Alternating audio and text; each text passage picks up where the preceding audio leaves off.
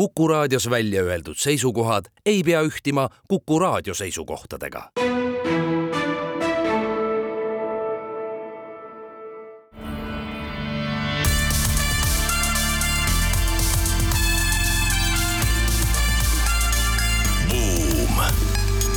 buumile annab hoogu SEB Pank tere päevast, head Kuku raadio kuulajad, on kolmapäev, kahekümnes september kahe tuhande kahekümne kolmas aasta, eetrisse läheb majandussaade Buum. toode, toome heade raadiokuulajateni jätkuvalt põnevaid majandus- ja ettevõtlusuudiseid laiast maailmast. tänased saatejuhid on logistika ja majandusekspert Raivo Vare ning Tartu Ülikooli majandusteaduskonna külalisprofessor Ott Pärna uudisteplokis alustame selle tõdemuse ja uudisega, et Mehhiko on asendanud Hiina Ameerika Ühendriikide number üks kaubanduspartnerina teise uudisena räägime sellest, et eh, TikTok sai eh, Euroopa Liidu käest, küll Iiri agentuuri käest konkreetselt kolmesaja neljakümne viie miljoni eurose trahvi eh, ja see on siis alaealiste andmete ebakohase käitlemise eest. edasi räägime konsultantidest ja konsultatsioonitööst, täpsemalt sellest, mida soovitavad pensionile minevad konsultandid oma noore, noorematele ametivendadele. ja kui jõuame, uurime ka seda, kuidas tehisaru on muutnud konsultatsiooniäri mängu seejärel räägime ka sellest äh, uudisest, mis tuli Economisti kaudu, et äh, äh, vaadatakse, kuidas saaks hakkama maailma arenenud riigid rohepöördeks vajalike metallide defitsiidi lahendustega no ja kergema uudisena räägime ka armastuse sümboliks olevatest teemantitest, mis vähemasti investeerimisobjektina on oma sära kaotamas. tänaseks saatekülaliseks on meil insenerfirma Fractory.com kaasasutaja ja tegevjuht Martin Vares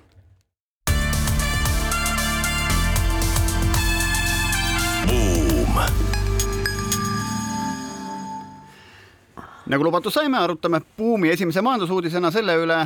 või tõdeme siis, et, et Mehhiko on asendanud Hiina Ameerika Ühendriikide number üks kaubanduspartnerina. Hiina teadupärast on seda olnud siin pealt kümnendi juba no sellega tuleb muidugi ettevaatlik olla, sellepärast et äh, üks viiest Mehhikosse investeerinud firmast nüüd uue buumi ajal, mis tõi Mehhiko mööda Hiinast kui peamist impordipartnerist Ameerika Ühendriikide jaoks, on muuseas uuringute järgi samuti Hiina firmad. ja tegelikult on pilt selline et, et viisteist protsenti ähm, kogu USA impordist on Mehhiko, neliteist koma kuus on nüüdseks jäänud Hiinale ja järgmisena on seal kuskil kuskil neljateistkümne, kolmeteistkümne koma kaheksa protsendiga Kanada ja siis tuleb tükk tühja maad ja siis alles ülejäänud suurimad üksteist äh, impordipartnerit Ühendriikidele. no selles mõttes siin on kõigepealt see Mehhiko on ähm, üks rohkem seotud riike Ameerika Ühendriikidega, neil on siin kaks tuhat pluss miili piiri, nelikümmend seitse piiriületuskohta, eks, et äh, mitu miljonit inimest Ameerikast elab Mehhikos, eks, perekonnad on risti, et, et ilmselgelt on noh, naaberriigid on hästi, hästi seotud, aga selle asja taga on vist kaks suurt-suurt trendi, üks pool on see, et need majandused on lihtsalt integreeritud ja, ja nii-öelda lihtsam töö tehakse ära Mehhikos, ehk siis, et väga palju toormaterjalid, äh, toornaftat tuleb Mehhikost ja nii-öelda valmistoodangut eksporditakse sinna tagasi. ja mis on huvitav, et suur osa sellest impordist, mis Mehhikost tuleb, müüakse tegelikult ikkagi või ta lõpptarbija kontekstis on Ameerika toode, ehk siis, et sealt tulevad ikkagi poolfabrikandid ja, ja väärtust lisatakse Ameerika Ühendriikides kõvasti juurde, ennem kui ta kuhugile kellelegi maha müüakse või siis taaseksporditakse kuhugile. võrreldes a la Hiina, Hiinast toodava kauba osas on see lisa, mis koha peal pannakse ainult neli protsenti, ehk siis tulevad valmis asjad et mis näitab ka seda, kui palju noh, põhimõtteliselt Mehhiko teeb allhanget siis no, Ameerika Ühendriikidele. et see on üks trend ja teine on kogu see nearshoring või nii-öelda selle regionaliseerumine, mis selle globaliseerumise kõrval jalga käib, ehk siis et et buum näitas meile ära, kuidas tarned peavad olema kiiremad, Amazon oli üks neist, Walmart teine, kes ei suutnud kliente teenindada nii-öelda need pikkade tarneahelatega kuskilt Hiinast, eks seda enam läks transport kalliks ja aeglaseks Covidi ajal. et ja siis otsustati, et tehakse rohkem asju lähedal ja Mehhiko oli kõige lähem odav koht, kus neid asju teha, ehk siis et ameeriklastega välisinvesteeringud Mehhikos on väga suured, eks need on ameeriklaste tehased, mis tegelikult Mehhikos seda äh, siis eksporti sinna Ameerika Ühendriikide suunal teevad. aga muidugi tuleb ka kohe välja tuua kolmas trend, mis tuleb välja sellest Bloombergi uudisest, et nimelt on äh, hakanud Mehhikos ilmnema ka see klastri efekt. konkreetselt näitena on Monterrey linn, mis on siis tegelikult suur, suur äh, majanduslik klaster piiri ääres ja sinna tekkiv praegu alles ehitatav Tesla äh, Gigafactory, mis on toonud kaasa tohutu surve erinevate hankijate, allhankijate poolt.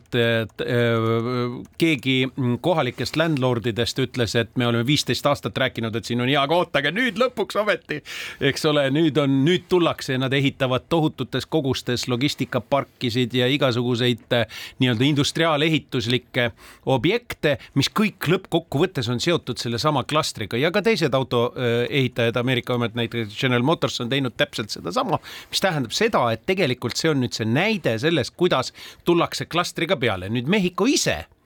tegelikult mõtleb samades kategooriates ainult, et tahaks, et mitte ainult põhja poole ei kontsentreeruks kõik see vastu Ameerika piiri, vaid natukene ka lõunasse, mistõttu nad tegelikult arendavad välja lõunaosariikides uut transpordikoridori raudteepõhist, mis konkureeriks Panama kanaliga ja mis kasvaks üle, kuhu luuakse terve kett pikki raudteekoridori, eh, samuti tehnoloogia ja tööstusparkisid, mis tegelikult on klassikaline nii-öelda transpordikoridorist välja arendatava majanduskoridori filosoofia filosoofia, nii et Mehhiko praegu katsetab väga palju ja siis samas materjalis tuuakse välja ka üks probleem. nimelt Mehhiko enda võimekus seda kõike absorbeerida ja kindlustada vajaliku taristu kvaliteediga. nimelt sealsamas Monterreiski on probleemid selles, et on elektrikatkestused ja, ja äh, näiteks äh, võr, äh, elektrivõrgud ei ole võimelised seda tööstuskoormust taha võtma piisavalt ja nii edasi, nii edasi, nii et seal on ka probleeme, kõik ei ole nii lihtne no iseenesest äh, Mehhiko on ka suur riik, no on üks kolmandik Ameerika Ühendriikides, sada kakskümmend kuus miljonit inimest, ütleme natuke väiksem riik kui Venemaa rahvastiku arvu mõttes, mis on sada nelikümmend midagi miljonit, eks. et selles mõttes noh, tegemist on suure riigiga a la kuhu müüa, kui me vaatame, mida ameeriklased sinna müüvad, noh lisaks sellele, et ütleme äh, e-, erinevad siis nafta valmistooteid müüakse sinna, sinna müüakse gaasi, sinna müüakse plastmassi, sinna müüakse elektriseadmeid, sinna müüakse kõikvõimalikke masinaid. ehk siis ta on ilmselgelt ka Ameerika Ühendriikide turuna päris arvestatav koht, kuhu siis asju asju kaubaks teha. see on tegelikult neljas äh, trend ka veel, mis võib-olla on isegi kõige olulisem, on see, et ähm, äh, nagu ajaloost on, äh, on näha, siis kui ähm, äh, nii-öelda superpower äh, läheb äh, Superpower läheb kuskilt äh, odavat tööjõudu võtma, siis ta kipub nad välja koolitama ja, ja, ja see odav tööjõud õpib, äh, õpib ise asju tootma väga hästi ja kvaliteetselt ja, ja, ja kipub seda tegema lõpuks paremini kui see Superpower, kes need alguses välja mõtles. et sama asi on ju Hiinas juhtunud ja, ja täna, kui me vaatame Hiina Äh, meil mälus ja mälestustes on, on kui lihtsate asjade tootja ja, ja, ja odav ja, ja saast, äh, siis, siis täna on märkamatult äh, Euroopas ja Põhja-Ameerikas muutunud näiteks Hiina mootorrattad väga populaarseks ja, ja ei vaadata üldse enam viltu sellele asjale, ehk siis Hiina tegelikult mingil määral ka lükkab ise seda välja, mida nüüd USA on hakanud Mehhiko näol ära kasutama. Et, et Hiina toodab kõrgemat kvaliteedi, kõrgema lisandväärtusega toodet ise ja, ja seda allhanke osa, mida siis täna teeb Mehhiko, seda ta, ega ta nii väga ja nii palju enam ei tahagi. Jah, ja me näeme ka Ameerika Ühendriikide presidendi Hiinas käimas ja silumas suhteid, et võib-olla see kaubandus sealt, sealt poolt ka nagu mingites mahtudes suureneb. aga kindlasti see nagu rahvusvaheline kaubandus ja tootmise väärtusahelad nagu mitmekesistuvad võrreldes sellega, mis nad olid varem ja tegelikult mitte ainult ei tooda Mehhikosse tagasi, tegelikult toodetakse ka Ameerikasse endasse tagasi black box tehased, kus inimesi enam tööl praktiliselt ei ole, on ju, teevad sul Nike'i tossu valmis või või noh, kildagaasi tõttu energeetika on odavam, et kannatab teha lähedal asju, et ei pea alati neid kallimasse odavasse keskkonda viima. aga siit edasi läheme suure trahviga, mis kirjutati välja TikTokile, äh, ettevõttele, kust ma oma tütred kätte sain, peale seda, kui ma näitasin neile filmi, kuidas TikTok nende kohta andmeid kogub ja kuidas see süsteem neid manipuleerib ja kuidas ja see aitas. ja kuidas keskmine kodanik wow. seal mingi kuus tundi aega veedab ja kõik lasid maha et, et äh, nii palju kasu, et vaadake seda filmi järgi, ETV kunagi kandis seda üle. see on võib-olla nüüd... üks kasulikumaid soovitusi siin, kes iganes lapsevanemad kuulavad. no just, et, et, et, et noh, tegelikult on see, et kõik need sotsiaalmeediakeskkonnad on üles ehitatud manipulatiivsel põhimõttel, et sind võimalikult kaua seal kinni hoida, et sa võimalikult palju oma äh, oma asju seal jagaksid, ehk siis, et teiste engagement'i või teisi, teisi inimesi sinna selleks, sellesse nagu tõmbaksid ja seal taga ei ole mitte ainult siis maailma parimad insenerid, aga seal on ka suured-suured algoritmid, kes tegelikult õpivad miljardite inimeste käitumise peal, et siis üksikindiviiti manipuleerida, ehk siis ühesõnaga, et ohtlikud kohad, et, et pange see nuti, nutisede kaugemale, lastest kindlasti kaugemale. aga ühesõnaga said nad siis kätte veerand miljardi eurose trahvi kolmsada nelikümmend viis kolmsada nelikümmend viis miljonit eh, eurot ja eh, loomulikult eh, TikTok väidab, et see on nüüd liigne karmus, liiga palju küsiti ja põhjendati seda trahvi asjadega, mis olid enne veel pandeemiat nii-öelda juhtunud, millega nemad olevat juba tegelenud. aga tuleb arvestada, et ega Euroopa Liit tegelikult sellesse GDPR-i ei suhtu sugugi kerglaselt, sellepärast et enne seda jõuti ju veel ka Metale anda üks trahv kaela, nelisada viis miljonit eurot, muuseas täpselt sama formuleeringu alusel laste andmete, alaealiste andmete nii-öelda töötlemise äh, mängureeglite kusjuures rikkumise Meta pärast. on isegi mitu saanud, neil on juba kas mitte kahe miljardi jagu seal neid trahve no ühesõnaga, mis seal täpsemalt siis sees on, on see, et lapskasutajate kontod olid vaikimisi seadistatud avalikeks, mistõttu nendel oli ligipääs väljapoolt eh, teistele inimestele ja kolmas või teine teema oli siis see, et nii-öelda perega sidumise egiidi all tekkis lastel võimalus suhelda kuusteist aastat ja vanemate inimestega eh, TikToki kaudu. Ja need olid siis kaks põhilist probleemi, mida komisjon nägi ja mistõttu see trahv neile kaela keerati aga seejuures äh, Meta, vabandust, TikTok väitis, et nad on juba keeranud selle äh, kuni kuueteistkümne aastaste avaliku profiili maha ja et nad tegelikult äh, astuvad veel vajalikke samme ja, ja ütleme siis niimoodi, et tegelikult on see ühe suurema võitluse teema, sugugi mitte ainult andmete või alaealiste andmete teemalise võitluse tanner, lihtsalt alaealiste andmed on üks selline kõige magusamaid tükke, kus neid on võimalik neid võitlusi kõige kergemini pidada. Läänemaailm praegu võitleb sellel foonil äh, äh, autokraatlike režiimide poolt äh, inimeste andmete ebaseadusliku enda valdusse võtmise vastu ja hiinlased on selles esirinnas, sest Hiina seaduste järgi kõik nende residendid peavad andma vajalikke andmeid Hiina riigiorganitele, julgeolekuorganid eelkõige ja kaasa arvatud ja see tekitab hirmu ja see on üks põhjuseid isegi rohkem kui ainult nii-öelda GDPR-i üldised üldhumanistlikud jah, põhimõtted. see on üks äärmus, et kui, kui me räägime repressi-, repressiivsetest tegevustest, mis selle tulemusena võivad siis tekkida, kui kellegi käitumismustrid on teada, aga nende, kus nad käivad, on teada ja mida nad internetis teevad, on teada, aga tegelikult üleüldiselt, et, et mida rohkem meie andmeid kuskilt keegi kätte saab, seda kahjulikum see meile on, kas siis üritatakse meile midagi maha müüa või muul moel meile mütsi pähe tõmmata, et selles mõttes, et, et olgem internetist väljas rohkemat aega ja võib-olla jagada enda kohta vähem infot. aga teeme selle koha peal väikese pausi ja siis tuleme juba uute teemadega tagasi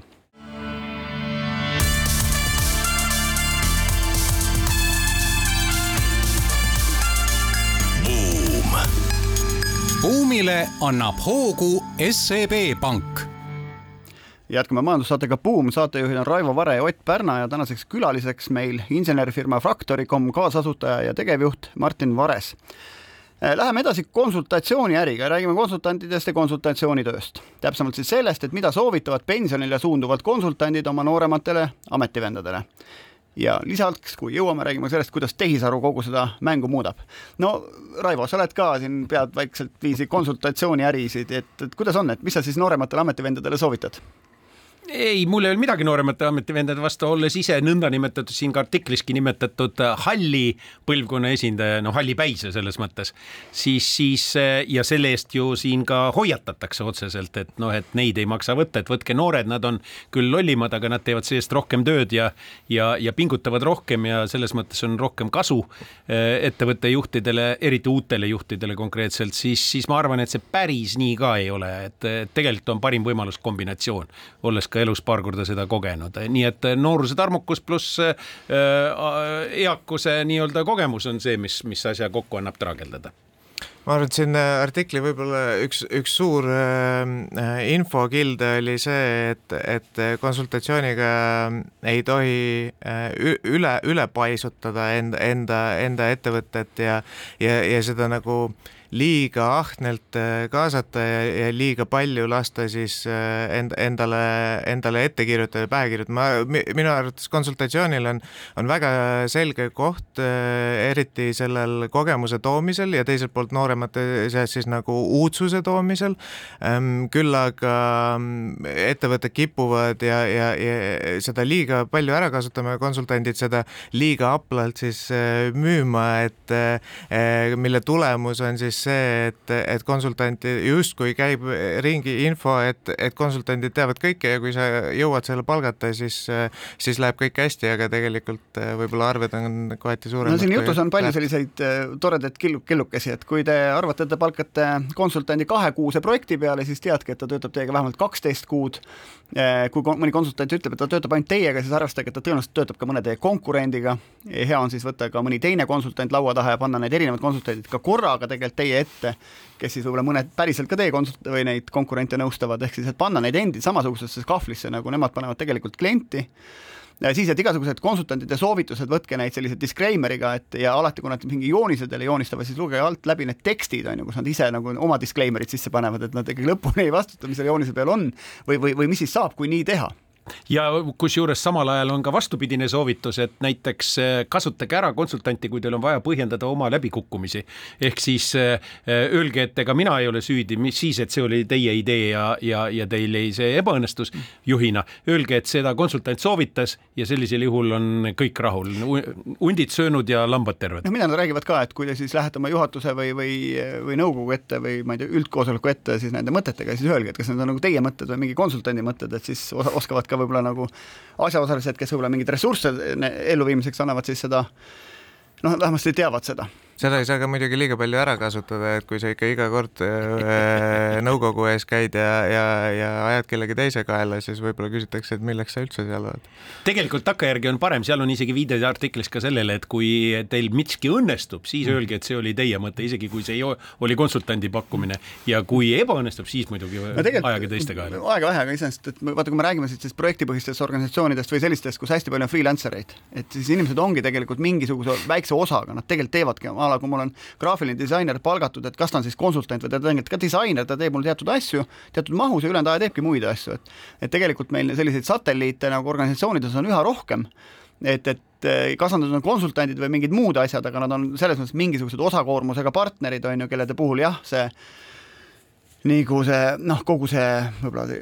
noh, see salastatuse mõte on ju, et, et kui meil on mingisugust, mingisugust infot ettevõttes, et äkki see võib välja jõuda, et me peaksime nagu sellega arvestama, NDA-sid võib-olla allkirjastama mõnede selliste inimestega on ju, ja teistpidi üldse arvat-, arvestama ka sellega, et see innovatsioonikultuur on märksa avatum ja ja sealt võib asju lekkida, aga sealt võib ka sissepoole väga palju ägedaid asju tulla, mis, mis äkki hoopis ettevõtet edasi aitavad. Ott, sa oled äh, äriõiguse õpetamisega ka seotud ikka olnud kogu aeg, et sa oled ju näinud, kuidas äh, inimesed, kes seda õpetavad, kuulnud ja võib-olla ka ise teinud, viitavad näidetele, teinekord nimedega, teinekord mitte, kus kasutatakse tegelikult pretsedente või case'e, eks ole, case study raames, kus tegelikult ju see, mis on teatavaks neile saanud konsultatsioonitegevuse käigus, personaalselt nad kasutavad seda ära õpetustegevusel. see iseenesest on ju täiesti okei okay,, selles ei ole midagi halba. no on ja, ja noh, siin tegelikult terve, terve omaette saate võib teha te te teemal, et kuidas konsultatsiooniäri saab siis ai või tehisaru saab parandada, et kui te panete samad küsimused näiteks chat GPT-sse sisse, nad annavad teile suhteliselt argumenteeritud samasuguseid lugusid, ehk siis kui sa tahad saada mingi asja kohta mingisugused, ma ei tea, two-way marketplace, case study'd või, või, või mingid näited, kirjutabki sulle lahti need näited, ei sobi, küsid, palun täpsusta, ta täpsustab sulle neid asju, ehk siis, et tegelikult seesama tehisaru äh, teeb suure osa ka konsultandi tööst ära, võib-olla ta ei anna sulle enesekindlust juurde, mida annab inimesena konsultant, on ju, aga kindlasti sisu annab ja see on ka koht, kus siin nagu tehisarust rääkimine konsultatsiooni ääres, millest siis räägitakse, on see, et jah, ta teatud asju võimaldab kiirendada, mingeid andmeid kiiremini analüüsida, mingisuguseid tekste töödelda või luua, on ju, aga samas see inimkiht selle konsultatsiooni äris ei kao mitte kuhugile ära, üks pool see usalduse asi, aga teine pool ikkagi ta valideerib seda kõike, mida sul see eh, suur emake internet siis kokku, kokku siia toob, on ju. aga kas see raport, mis ilmus ai kasutuskonsultatsiooni tegevus, mitte ei viita sellele, et tegelikult ikkagi need nii-öelda inimtööga tekitatavad tekitatavad mahud kuivavad natukene kokku, selle töö teeb nii-öelda masin ära ja siis eh, nii-öelda inimfaktorile jääb siis see peenhäälestus ja see suhtlemine ja kõik see. noh, kaudsõnal nad ütlevad, et konsultanti äri peab võitma ai-st tänu sellele juba, et noh, näited on toodud, et ala raamatupidajad viiskümmend protsenti ajast kokkuhoidu tänu ai-le. Eh, nelikümmend neli protsenti kokkuhoidu igasuguste kirjutiste tegemisel, viiskümmend viis protsenti kokkuhoidu programmeerimisel ai abil et ta peab aitama kõiki elualaseid, ilmselt ka seda konsultatsiooniäri. ma arvan, et äh, ai suurim teene täna ongi see, et ta võtab ära selle rutiinse töö, see, mille, äh, mille, mille lisandväärtus on, on arvutuslik või on, on järelduste tegemine, küll aga äh, jättes siis inimestele ja selle osa, kus on vaja edasi mõelda või mõelda välja see osa, mis veel ei ole kirjas ähm,. et oma töös ma ka chat-GPT-d ikkagi aeg-ajalt kasutan, aga, aga olen selle nagu absoluutselt taandanud selle äh, nii-öelda äh, Google'i alternatiiviks, et, et ta on ikkagi, ta on, ta on okei okay, äh, info nii-öelda kiireks edastamiseks, aga loota, et ta annab mingid ideed, mida, mida Ernst Young oma artiklis siis ka äh, justkui müüa üritab, siis minu arvates täna chat-GPT on ikkagi natuke loll veel selleks. no ta on sparring partner, et sa saad küsida, ta täpsustab, on ju, sul on mingisugune enam-vähem teadmistega vend vastas, kellega kogu aeg rääkida, keda sa kodus või töö juures alati ei pruugi leida. aga lähme edasi järgmise uudisega, see on nimelt äh Economist äh, juhtis tähelepanu sellele, et maailmas on probleem. nimelt rohe rohepöörde jaoks vajalike metallide defitsiidi oht ripub maailmas. arvestades, et seitsekümmend kaks riiki, mis kokku moodustavad umbes kaheksakümmend protsenti globaalemissioonist, on nõustunud sellega, et sajandi keskpaigaks minnakse zero emissiooniga eh, eesmärgina peale, siis see tähendab seda, et tegelikult viisteist korda rohkem on vaja energeetikas tuult kasutada, kakskümmend viis korda rohkem on vaja võimsusi juurde päikese Mm, energeetikas ja kolmekordseks peavad kasvama kõik energiavõrgud ja kuuekümnekordselt peaks kasvama elektriautode mm, kogus. Ja see tähendab, et kõikide materjalide alates vasest ja niklist ja lõpetades neodüümiumi ja grafiidi ja liitiumi ja kõige muuga, kõikide nii-öelda tarbimise kasv on kordades no kui see asi kõik kokku liita, siis kokkuvõttes vajab süsinikuneutraalne maailm aastaks kaks tuhat viiskümmend kolmkümmend viis miljonit tonni rohelisi metalle aastas, ennustab Rahvusvaheline Energiaagentuur. ja selle taustal siis on ka näha, kuidas siis rikkad maailmariigid käivad ja shoppavad mööda maailma ringi, ehk siin Suurbritannia käis, sõlmis kokkuleppe Sambiaga, Jaapan on sõlminud kokkuleppe Namiibiaga, Euroopa Liit sõlminud kokku või löönud käed Tšiiliga plokk läb, peab läbirääkimisi ka näiteks Kongo Demokraatliku Vabariigiga, ameeriklased külastasid Mongooliat, eks, ja nii edasi, Filipiinidel ja Saudi Araabias käiakse külas, ehk siis, et kõik selle nii-öelda, kuidas ma ütlen, keskkonna vähem säästlikule tegevusele üleminek vajab väga suurel hulgal teatud materjale ja neid nendes riikides, mis on siis tänasel seisus maailma rikkamad riigid, ei ole no me teame, kus nad siis on, on ju, ja, ja noh, muidugi siin pole, pole juttu Hiinast, suur osa nendest muldmetallidest ja muudest ressurssidest on tegelikult Hiinas, no teine osa on Venemaal. Hiina kontrolli all. või Hiina kontrolli all või teine osa on Venemaal, eks, aga käiakse pigem nendes satelliitriikides ümberringi, kus on ka midagi no kõik need teised riigid on juba peale hiljaks jäänud, sest Hiina tegi juba ringi peale, valis kõik paremad välja siin juba kümme, kakskümmend aastat tagasi, et, et sellepärast Hiinast võib-olla seal ei räägita ka, neil on juba hästi. Äh, küll aga minu arust see probleem on püstitatud natukene nagu valest aspektist või ta jätab arvestamata äh, olulisemad asjad või, või ta tahab liigselt säilitada või kogu see äh, vaade on nagu säilitades meie tänased tarbimisharjumused ja, ja kui me ütleme, et on vähe, siis ma ütlen, et on palju ja kui küsitakse, et kes peab kinni maksma, siis ma ütlen, väga hea, et keegi peab kinni maksma. Äh, sest ähm, eelmine nädal tuli uus iPhone välja ja tohutu innovatsioonipidu jälle, innovatsioon oli see, et lightning port asendati USB-C-ga, et äh, noh, see, ma ei ütle, et see on innovatsioon ja, ja sellepärast uut toodet teha ei ole õigustatud. aga samas tuleb tunnistada, et innovatsioon innovatsioon mingil määral siiski toimib, sest selles defitsiidi tingimustes tõenäoliselt ikkagi otsitakse innovaatilisi ideid, kuidas kasutada ja taaskasutada materjale. mitte ainult ei avata uusi või vanu kaevandusi, mis on muuseas omaette probleem, sellest pikalt kirjutatakse, meil pole aega rääkida. ja kusjuures see võtab kõik aega. absoluutselt, see on, see on nagu selle, selle osa see, mida peaks keskenduma, see defitsiit ongi kasulik, selle defitsiidi kaudu me saamegi paremasse, paremate toodeteni. Jaapan on nüüd lõpuks suutnud sünteesida üsna, üsna kuluefektiivselt äh, vesinikku, et, äh, et kui meil ei suuda elektriautosid piisavalt palju toota, siis võib-olla me kiirendame sellega vesinikuauto. aga täna on probleem selles ja seda Economist toob ka välja, et tegelikult see defitsiit, ükskõik kuidas seda ei lahendata tulevikus, siis see defitsiit täna dekaadi lõpuni, kahe tuhande kolmekümnenda aastani on kõige suurem probleem, sest lihtsalt ajafaktor siin toimib juba ja seda üleminekut, kõiki neid uusi võtteid kasutades, vanu asju uuesti taasavades ja nii edasi, taaskasutustehnoloogiaid, uusi tehnoloogiaid sisse tuua, see kõik võtab aega, aga kahe tuhande kolmekümnendaks aastaks oma eesmärgid täita ja seda ei ole võimalik praeguste kogustega ja võimekustega teha. no seal üks kategooria, mida võib veel vaadata, mis on siin meie järgmine väike uudis, on teemantide uudis, et investeerimisobjektina teemantid ei ole enam nii atraktiivsed, kui nad kunagi olid, on ju, suured armastuse põhjus on tehnoloogiline. Armastuse sümbolid on ju, aga üks põhjus on see, et jah, et nende kaevandamine on hästi-hästi ressursimahukas ja nooremad põlvkonnad ei salli seda, kui tegelikult emakest loodust kõvasti siis nagu nüpeldatakse selleks, et saada ilusad nagu kivid kätte, on ju. mitte ainult loodust, inimesi. ja inimesi sinna otsa, eks, et aga teine pool on see, tegelikult tulevad alternatiivsed äh, noh, kas siis mineraalid või, või alternatiivsed tehismaterjalid laboratooriumis töötatakse välja, mille efekt on sarnane ja noh, safiirid ja muud sellised, et ja, ja nendega asendatakse tegelikult neid samu teemanteid ja selline klassikaline vanakooli nagu sellise jõukuse sümbolid, teemantid on asendunud tegelikult mingite muude emotsioonide, kogemuste ja muu asjaga, mis on vähe nagu kirjum ja, ja ei ole nagu noh, jah, nii mustvalge ja seetõttu teemantid just tulevikus arvastatakse, et investeerimisobjektina on noh, nõrk tulevik või nõrgem tulevik, samas tänaseni on nad pakkunud tootlust sarnast nagu kinnisvara kaheksa protsenti keskmiselt ja nagu kinnisvara ja, ja, ja, ja aktsiad, et, et selles mõttes siiamaani on ta päris aus tootluse tootja olnud. aga teeme siin kohapeal väikese pausi ja tuleme uuesti buumiga tagasi.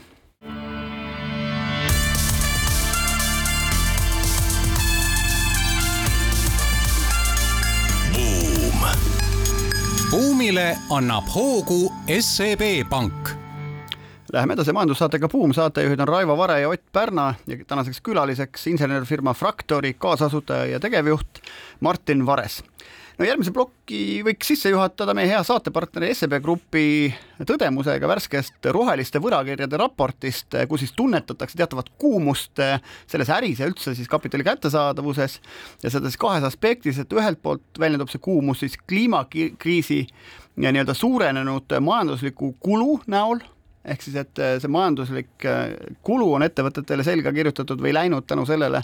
ja teiselt näolt ikkagi nad tõdevad, et see transformatsioon puhastele energiasüsteemidele on tõepoolest kiirenenud ehk siis, et mida iganes need regulaatorid on teinud, siis mingit mõju ta turule on avaldat-, avaldanud ja rohelisemaks on püütud minna. lisaks siis rõhutatakse, et, et rohelised võlakirjad või see segment on üks selliseid väheseid kasvusaari,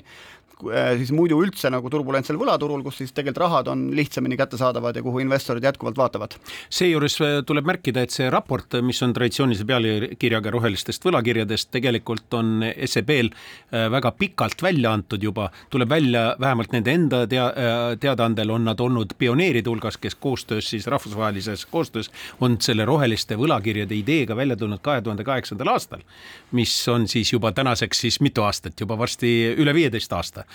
kestnud ja nüüd siis hakkab see asi koguma tuure peale ja tegelikult need summad, millest täna juba maailmas räägitakse roheliste võlakirjade puhul on juba sadades miljardites, seal kuussada millegiga miljardit ja, ja kogu aeg ka kasvavad. aga sellega on seotud ka mitmed probleemid, millest me ei jõua täna pikalt rääkida. no Martin, sa tulid siia saatesse külla esindamaks firmat Fractory, mis on siis insenerifirma ja kes püüab kõikidest nendest trendidest siis turul nagu kasu lõigata, millest me oleme siin rääkinud, et tootmine tuleb kodule lähemale, tootmine peaks minema kiiremaks. et räägi, mida te täpsemalt teete, kes on teie kliendid ja, ja kuidas äri läheb? Jaa äh,, Fractori kohta insenerfirma öelda on, on hästi lihtsustatud äh, ja aga, aga kindlasti mitte vale, et insenervaldkonda me, me esindame, toetame, aitame äh,, loome sellele toodet.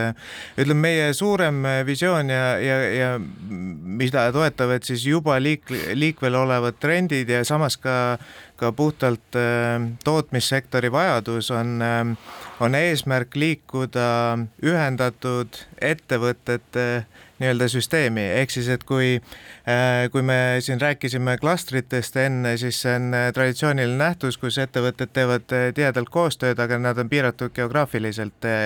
ja ka piiratud informatsiooni liikumise kiirusega. Fractory eesmärk on kiirendada Äh, info liikumist tootmis just allhanketurul, mida kõik ettevõtted äh, teevad ja, ja läbi selle siis äh, muuta efektiivsemaks tootmist ja anda siis põhimõtteliselt idee on anda kõikidele ettevõtetele võimalus kasutada kõiki võimalikke tootmisressursse nii, nagu need oleksid justkui oma majas no tema lehel kirjutate, et teil on hästi-hästi palju kliente ja teiega tahab igasugust partnerlust teha, kes teie kolm suuremat klienti on ja mida nad täpselt tellivad, et siis hea raadiokuulaja saab, saab aru, mis te teete? Äh, meil on õnneks läinud niimoodi hästi, et me ei ole,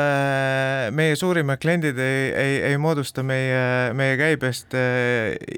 ilmatu suurt äh, määra, et me, me, nad kipuvad kohti vahetama ja, ja, ja, ja uuenema ja, ja pidevalt kasvama. et äh, aga me, meie suurimad kliendid on äh,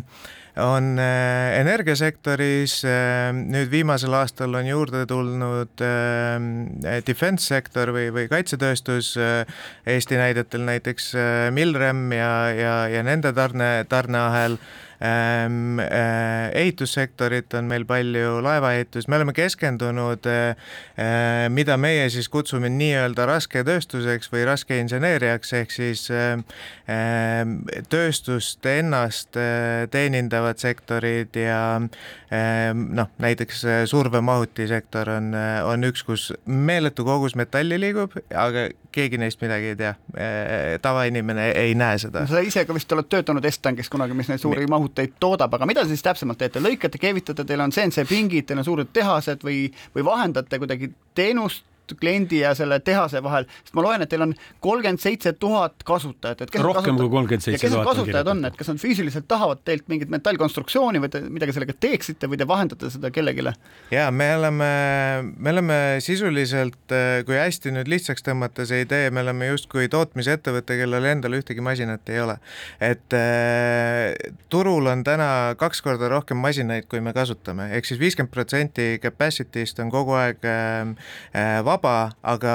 probleem on selles, et ettevõtted ei tea, kus see asub. Äh, ja see on see probleem, mida, mida me lahendame. ehk siis meil on mõttetu osta endale masinaid, kui me teame, et masinad äh, istuvad vaba, seega me ehitasime süsteemi, äh, kus masina omanikud saavad sisse töö klientidelt, kes, kes seda masina võimekust vajavad ja, ja selle, selle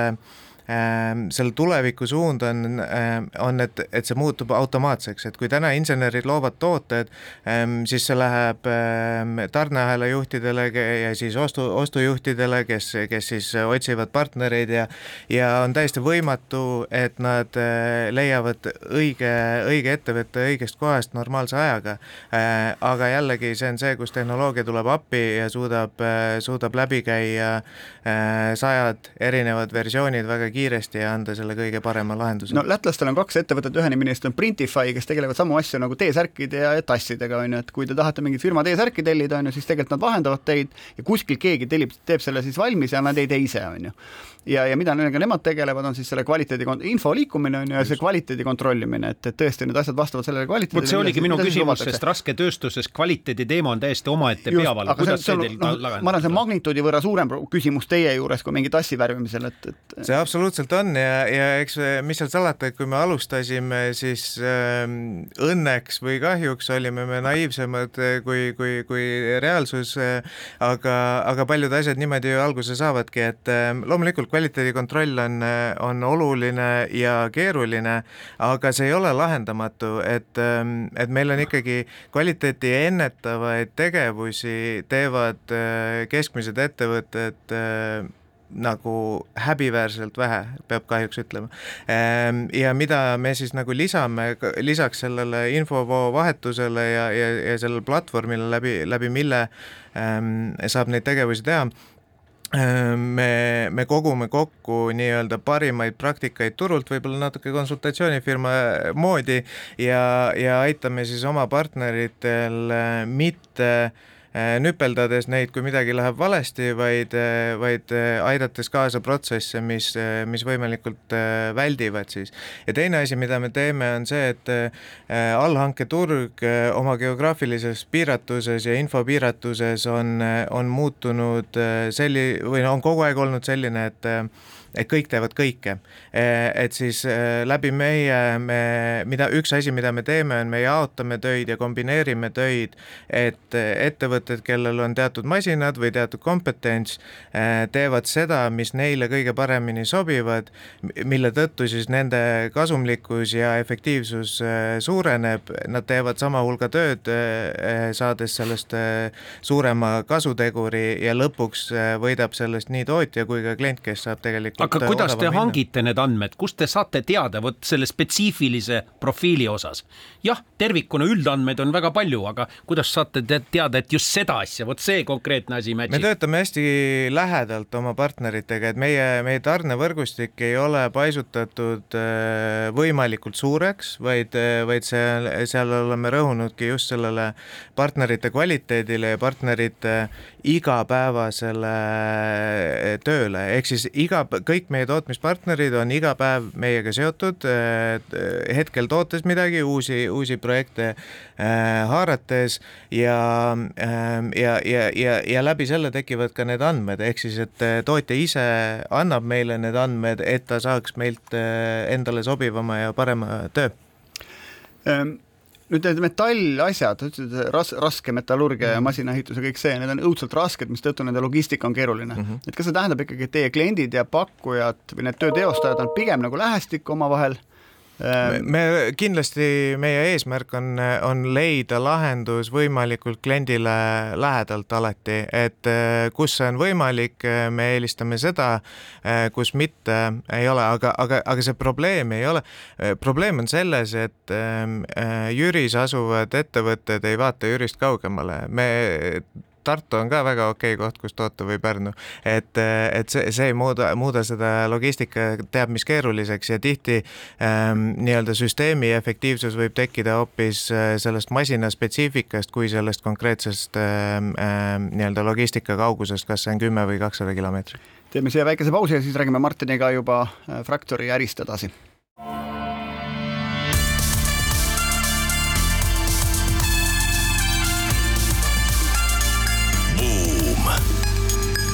buumile annab hoogu SEB Pank.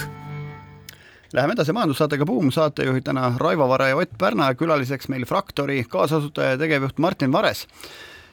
no Martin, et te olete üks selline vahendusfirma, siis ma saan aru, kus ühes, ühes otsas on inimesed, kellel on siis mõni masinaehitusega seotud väljakutse, ülesanne, töö vaja teha ja teises otsas on siis eh, tehased ja, ja firmad, kellel on masinad ja te viite kahte osapoolt kokku lõpetasime eelmise ploki sellega, et, et isegi Jüris olevad ettevõtted ei vaata Jürist väljapoole, on ju, et, et oma tootmis, ma ei tea, baasi laiendada, et aga kuida-, kuivõrd teie vaatate välja, et kas te vaatate Eestist välja või teete põhiliselt Eestis tööd, et kus te oma seda kasvu näete? jaa, meil on küll Eestis on enamus töötajaid, aga, aga meie, meie ambitsioonid on ikkagi laiemalt, et, et täna meil Äh, suur, äh, kõige suurem osa käibest tuleb äh, Suurbritannia turul, kus meil on ka oma kontor ja, ja, ja oleme seal toimetanud aastast kaks tuhat üheksateist, vaid, vaid põhimõtteliselt aasta peale turule tulekut juba liikusime sinna. Soome-Rootsi on ka meil täna suured nii-öelda kliendi,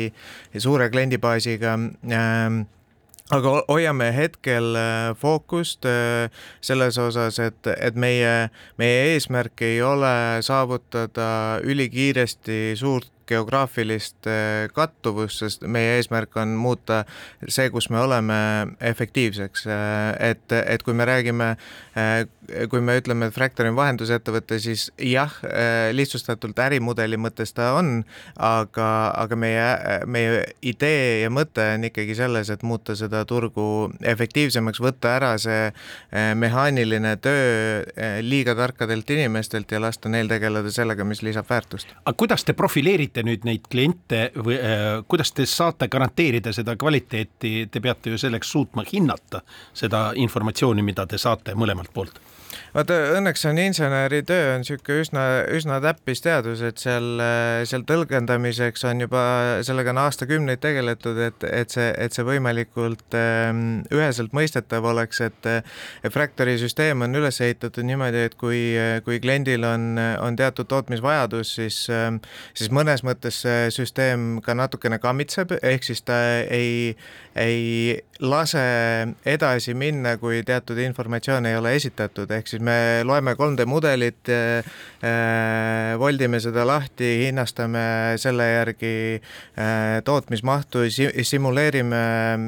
tootmisprotsesse konkreetselt, arvutame logistikat, meil on väga keerulised algoritmid, kuidas lahendada nii-öelda kolmemõõtmelist pakkimist, teadmata detaili kuju nii-öelda, see on, see on matemaatiliselt hästi keeruline probleem, aga, aga see, see kõik on suunatud jällegi selle efektiivsuse tagamisele ja informatsiooni standardiseerimisele.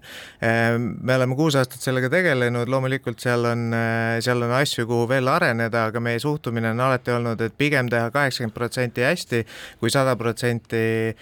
kehvasti, ehk siis, et me, me lahendame täna seda suuresti enamusele ja, ja kindlustame, et me, et me seda teeksime ülitäpselt. Martin, sa oled oma töö tõttu näinud nüüd erinevaid masinaehitusettevõtteid ja metallitööstusettevõtteid Eestis ja väljapool Eestit, on ju. et minu andmetel aastal tuhat üheksasada nelikümmend üheksa ehk siis kaheksakümmend aastat tagasi, kaheksakümmend viis aastat tagasi pandi Eestis kokku esimene teehöövel nimega V ja need tehti Paide masinaehitustehases nüüd üheksakümmend või kaheksakümmend viis aastat hiljem, kas me traktori suudame Eestis kokku panna või, et kui keerulise või võimekad on meie masinaehitusettevõtted täna, ütleme just, ma mõtlen selle metallitöö poole pealt, võib-olla no Milrem ja teised suudavad mõne keeruka masina küll kokku panna, aga see on eksperimentaalne suhteliselt, et töötlev tööstus, kui keerukaid asju suudab teha? Ehm, ma arvan, meil on täielikult võimekus olemas, Eesti insenerid on supertöökad ja, ja, ja sellise inseneri stereotüübi äh, kindlad edasivedajad, et, et tahavad hästi palju mõelda ja hästi palju keerulisi asju välja mõelda. küll aga ma arvan, meil on nagu äh, nii-öelda siis ärikogemust ühiskonnana võib-olla natukene vähem, mistõttu me oleme üsna riskikartlikud ja me kipume jääma sinna eh, riski kümne palli skaalal kahe peale ja lõikama seda toru kolmeks jupiks, et, et, et rootslased saaksid sellest teha kaheksakümmend tuhat euri maksva jalgratta. Ehm, et ehm,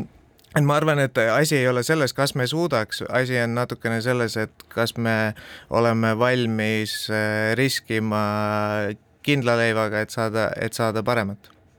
nojah, see natuke peegeldab ka seda, et, et äh, puidusektor võib igal pool olla puidusektor, aga kui me ekspordime ümarpalki, on ju, ja soomlased tege-, teevad Fiskarsi saage ja, ja puidukeemiat, on ju, siis me oleme lihtsalt väärtusahela nii eri kohtades, kus siis marginaalid on kardinaalselt erinevad ja seetõttu on ka meie armas valitsus näeb siin probleeme, et oma eelarvet kokku panna, et lihtsalt meie eksportsektori noh, konkurentsivõime on üks asi, aga see keerukus või võimekus, ma ei tea, sellist raha riiki tuua või seda siia konsolideerida või oma brändide olemasolu, mille kaudu seda teha, on tegelikult hästi-hästi piiratud ja seetõttu on see noh, see liiga, mida me selle riigina mängime, tegelikult ikkagi mitte see, millised on Skandinaavia riigid. aga see on jällegi noh, meie, meie kulubaas kasvab ja, ja jällegi me oleme sunnitud järjest seda tegema ja tegelikult viimased aastad, noh, seesama jälle Milremi näide või Cleveroni näide või et me ikkagi hakkame kasvatama ka neid ettevõtteid, kes teevad oma toodet või kasvõi eh, huumikerised, mis on, eh, mida müüakse üle maailma ja toodetakse Tartus, et eh, tegelikult on tegu nii-öelda metalli aspektist on tegu noh, väga lihtsa ja odava tootega. et see ongi see, kuhu me peame rõhuma ja puidutööstuse näide on hea, sest sellest on viimasel ajal nagu hästi palju räägitud, aga, aga täpselt sama asi on, on igal pool teistes sektorites, noh, tehnoloogiasektor on see, mis meil praegu eest veab seda seda mõtteviisi vähemalt, et loome ise toote, mitte ei tee tarkvaraarenduskeskusi Microsoftile ja teistele ainult. Aga kui noh, inimene on oluline komponent paljudel äri, paljudes ärides, et, et kuivõrd sa näed eh, rohkem probleeme teie sektoris inimestega, kes siis seal liini taga kuskil on või neid seadmeid seadistavad ja kui palju nende, nende osas, kes siis neid ärimudeleid välja mõtlevad ja lõppkliendiga suhtlevad ja müüvad ma arvan, et kui me vaatame ainult Eestit, siis, siis on küll natukene äh, see, et sedasama riskialtisus, seda, seda uudsust, seda äh, loomingulisust äh, on see, milles me ei ole nagu superhead, et et noh, see on nagu vana tõsiasi, et eestlane müüa ei oska, aga, aga, aga eestlane tegelikult nagu mõelda ju oskab, e-, ehk siis, et, et võib-olla siis nagu välist abi kaasata sellel müügil ja siis julgeme nagu uusi, uusi asju ka välja mõelda. et et äh.... aga no kuule, soomlane ei oska ka müüa, on ju, aga ometi on neil need brändid, keda me kõiki teame, on ju. et, et üks asi on see äri, oskus müüa, teine asi on aru saada sellele turule, kellele sa mida toodad, et, et üks asi, mis minu enda kõhutunne ütleb, on see eestlase või eestimaalase võimekus või arusaam üldse, mis maailmas toimub, ehk siis noh, faktiline kogemus, olles, kas sa oled õppinud väljas, töötanud väljas, ma ei tea, elanud väljas, et sul on mingisugune kõhutunne, et mis seal tegelikult toimub. et väikse riigi kohta liiga vähestel inimestel vist on see kogemus. seda kõike saab sisse tuua, et ega meil on ka tööl ei ole ainult Eesti inimesed. vot seda ma tahtsingi küsida. seda, seda tuleb mujalt sisse tuua ja see, see, sellega tuleb oma silmaringi avardada, ma arvan, et noh, iseenesest on õige öelda, et jah, meil ongi seda, seda teadmist vähe ja, ja kuskilt see peab tulema ja soomlastel on lihtsalt natuke kauem olnud aega seda, seda akumuleerida, et et, et me peame sellest nagu, kui me tahame edasi jõuda, kui me tahame ühiskondlikult kasvada, siis, siis me peame seda äh, laskma teistele endale õpetada ja ise kõrvad kikkis kuulama klassikaline probleem on Eestis olnud, et see inseneriharidus ja üldse reaalteaduslik haridus kannatab, et seda ei ole piisavalt, et see ei ole populaarne. kas te tunnete seda defitsiiti? me tunneme väga palju seda defitsiiti ja tegelikult ähm, see, see, need numbrid on üsna sarnased kõikides arenenud riikides Te. tehnoloogia kui selline, selle, seda, seda, et tootmine on must ja tehnoloogia on must, on, on lihtsalt nii kaua tambitud, et, ähm, et ja mingil määral ta ka oli, on ju, aga enam ei ole ja, ja, ja, ja see võiks paraneda, aga, aga sellel on, on vaja mitte mitte riik ei ole see, kes selle vea parandab, siin on meil vaja nagu au sisse tagasi tuua äh, reaalharidus ja reaalmõtlemine, äh, aga, aga sealjuures ka loomingulisus, et, et me ei, jälle ei läheks tagasi seda haamrit tegema, vaid, vaid võib-olla motoriseeritud no, haamrit. meil saateaeg on kohe nüüd ümber, et üks soovitus lapsevanematele, kas nende lapsed peaksid minema lihtsalt matemaatikaeksamit lõpus tegema või pigem seda keerukamat? kindlalt keerukamat. vot viis punkti. sellega lõpetame tänase saate, suur aitäh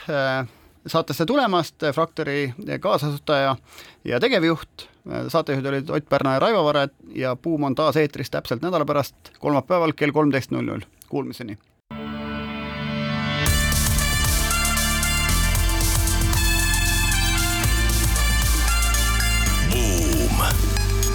buumile annab hoogu SEB Pank